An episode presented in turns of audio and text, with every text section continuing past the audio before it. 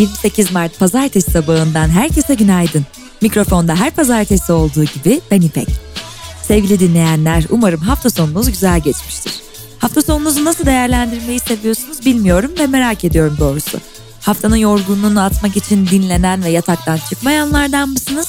Yoksa cuma iş biter bitmez nereye gideceğinizi dışarıda sabaha kadar vakit geçirmeyi planlayanlardan mı?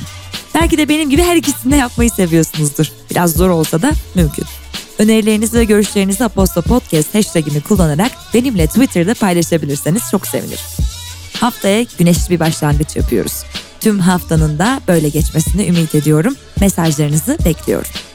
Bugünün bülteni Brothers destekleriyle ulaşıyor. Brothers, hayat hep beraber hayata karışınca güzel diyor ve kadınların ekonomiye katılımını desteklemek için Hayata Karışan Kadınlar projesiyle cam tavanları kırma çağrısı yapıyor. Peki nedir bu cam tavan? Cevabı bültende. Haftaya başlarken.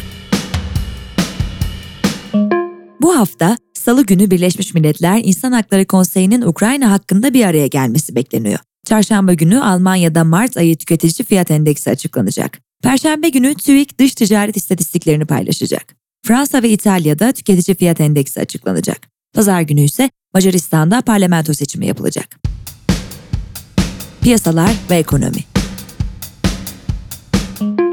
Tarım ve Orman Bakanı Vahit Kirişçi, 291 milyon 220 bin liralık tarımsal destekleme ödemelerini çiftçilerin hesaplarına aktaracaklarını duyurdu.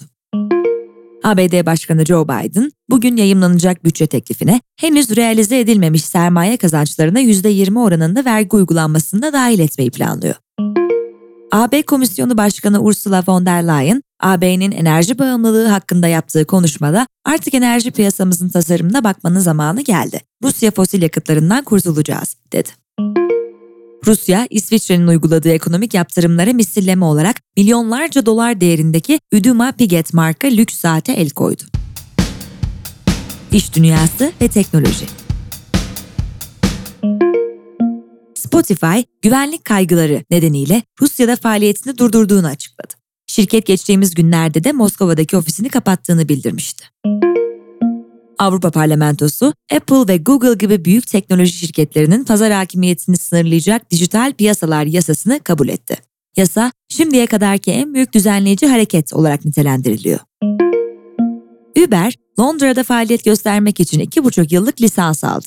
Transport for London sözcüsü, Uber'e 2,5 yıllık bir süre için özel kiralık araç operatörü lisansı verildiğini bildirdi. Google Fiber çalışanları Kansas City'de yapılan seçimde 9'a karşı bir oyla sendikalaştı. Çalışanların ABD iletişim işçileri bir kolu olan Alfabe İşçileri Sendikası tarafından temsil edileceği bildirildi. Apple'ın geçtiğimiz yıl Hollanda düzenleyicisine uyacağını bildirdiği flört uygulamalarına 3. parti ödeme seçeneklerine izin verme emrine hala uymadığı bildirildi. Hali hazırda Apple'a toplam 45 milyon avronun üzerinde ceza kesen düzenleyicinin bu hafta cezayı yükselteceği değerlendiriliyor. Instagram'ın yakında hikayelere sesli mesajlarla yanıt verme özelliğini kullanımına sunacağı öne sürüldü. Politika ABD Başkanı Joe Biden, kasap olarak tanımladığı Rusya Devlet Başkanı Vladimir Putin için bu adam iktidarda kalmamalı ifadelerini kullandı. Biden ayrıca Putin'e NATO topraklarına girmeyi aklından bile geçirme uyarısında bulundu.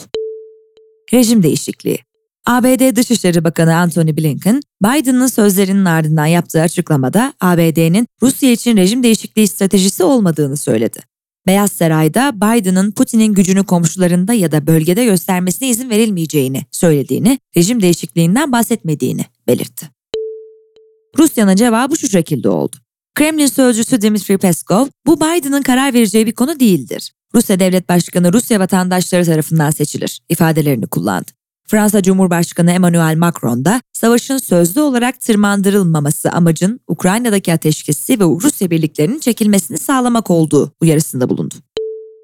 Son durum açıklamaları ise şöyle. Ukrayna Genelkurmay Başkanlığı, Rusya'nın silahlı saldırganlığının kapsamlı şekilde sürdüğü, Rusya Savunma Bakanlığı ise Rusya ordusunun Luhansk'ın %93'ünde, Donetsk'in ise %54'ünde kontrolü sağladığı açıklamalarında bulundu. Luhansk'ta referandum ihtimali. Rusya'nın tanıdığı Luhansk Halk Cumhuriyeti'nin lideri Leonid Pasechnik, Ukrayna'nın doğusunda Rusya'ya katılmak için referandum düzenlenebileceğini söyledi. Türkiye'den açıklamalarsa şu şekilde. Dışişleri Bakanı Mevlüt Çavuşoğlu, Türkiye'nin Rusya yapımı S-400 hava savunma sistemlerini Ukrayna'ya vermesinin kesinlikle masada olmadığını söyledi. Çavuşoğlu, Rusya oligarklarının Türkiye'ye gelebileceğini ancak yapacakları işlerin uluslararası hukuka aykırı olmaması gerektiğini ifade etti. Cumhurbaşkanlığı Sözcüsü İbrahim Kalın da eğer herkes Rusya ile köprüleri yakarsa onlarla kim konuşacak dedi. Türkiye'de müzakere. Ukrayna'dan müzakereci David Arakhamya bugün başlayıp 30 Mart'a kadar sürecek ateşkes görüşmelerinin Türkiye'de gerçekleşeceğini söyledi. Ayrıca dün telefonda görüşen Cumhurbaşkanı Erdoğan ve Rusya Devlet Başkanı Putin'in müzakere heyetlerinin bir sonraki toplantısının İstanbul'da yapılması konusunda mutabık kaldığı bildirildi. Cumhurbaşkanı Erdoğan'ın ateşkesin ve barışın bir an evvel tesis edilmesi için bu süreçte Türkiye'nin her türlü katkıyı vermeye devam edeceğini belirttiği bildirildi.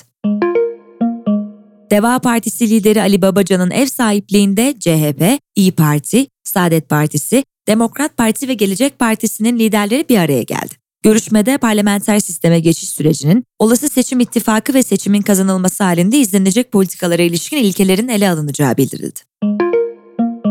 Milli Savunma Bakanı Hulusi Akar, Karadeniz'deki serseri mayın tehlikesiyle ilgili teyakkuzda olunduğunu bildirdi. Akar, hafta sonu tespit edilen cismin eski bir mayın olduğunu, kime ait olduğunun tespitini sürdüğünü ve İstanbul Boğazı'nda şu anda herhangi bir olumsuzluk olmadığını açıkladı. Emniyet Genel Müdürlüğü gazeteci Hrant Dink'in öldürülmesine ilişkin davada firari hükümlü Ahmet İskender'in Kırgızistan'da yakalandığını, Türkiye'ye getirilip tutuklandığını bildirdi. Mersin'in Erdemli ilçesindeki HDP ilçe binasında kimliği belirsiz kişi veya kişilerce silahlı saldırı düzenlendi. Saldırıda partinin tabelası hasar gördü. Afganistan'da Taliban yönetimi havayolu şirketlerine kadınların yanlarındaki erkek refakatçi olmadan seyahat etmesine izin verilmemesi talimatı gönderildi. Ayrıca Kabil ve çevresindeki parklara kadın ve erkeklerin aynı günlerde girişi yasaklandı. Rusya Savunma Bakanlığı, Azerbaycan'ı Karabağ'da Kasım 2020'de Rusya ve Ermenistan'la imzalanan üçlü bildiri ve ateşkesi ihmal etmekle suçladı. Rusya, Azerbaycan'ın sorumluluk bölgesine girdiğini ve Bayraktar SİHA'larıyla dört hava saldırısı düzenlediğini duyurdu. Azerbaycan askerlerinin ilk pozisyonlarına çekilmesi çağrısı yaptı. Myanmar'da Şubat 2021'deki askeri darbeyle yönetime gelen juntanın lideri General Min Aung Hlaing, terörist olarak nitelediği darbe karşıtı muhalefetle müzakere yapılmayacağını duyurdu. Lang, darbe karşıtı gösterilerin sürdüğü ülkede yönetimi devirmek için savaşan gruplarla sonuna kadar mücadele edileceğini dile getirdi. Spor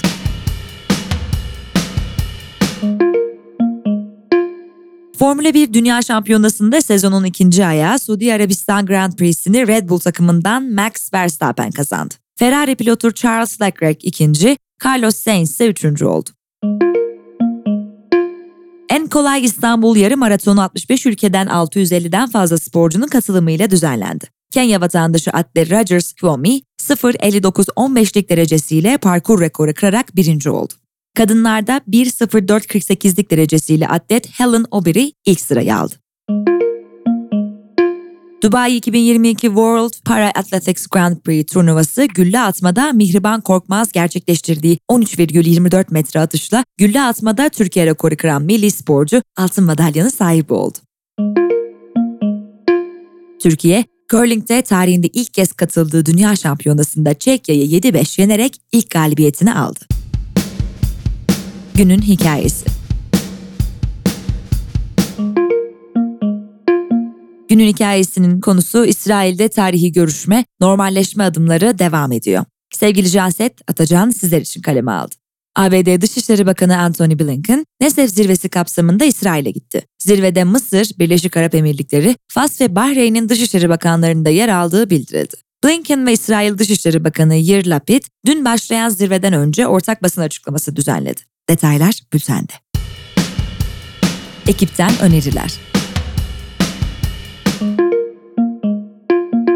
Tekel Kolektif Tekeller saat 22'de kapandığı haliyle değil, balkondan sarkıttığımız sepetleri doldurdukları, gece ayaküstü edilen tatlı sohbetleri ortaklık ettikleri halleriyle aklımızda. Apero dükkanının tekel kolektif tişörtü de o günlerin hatırasını sürdürüyor. Yumuşacık kumaşı, kaliteli baskısı ve taşıdığı hatıralarla Apero dükkanda sizleri bekliyor. Üstelik Aposto gündem okurlarına özel ayağımız alışsın indirim koduyla %25 indirim fırsatı da sizi bekliyor.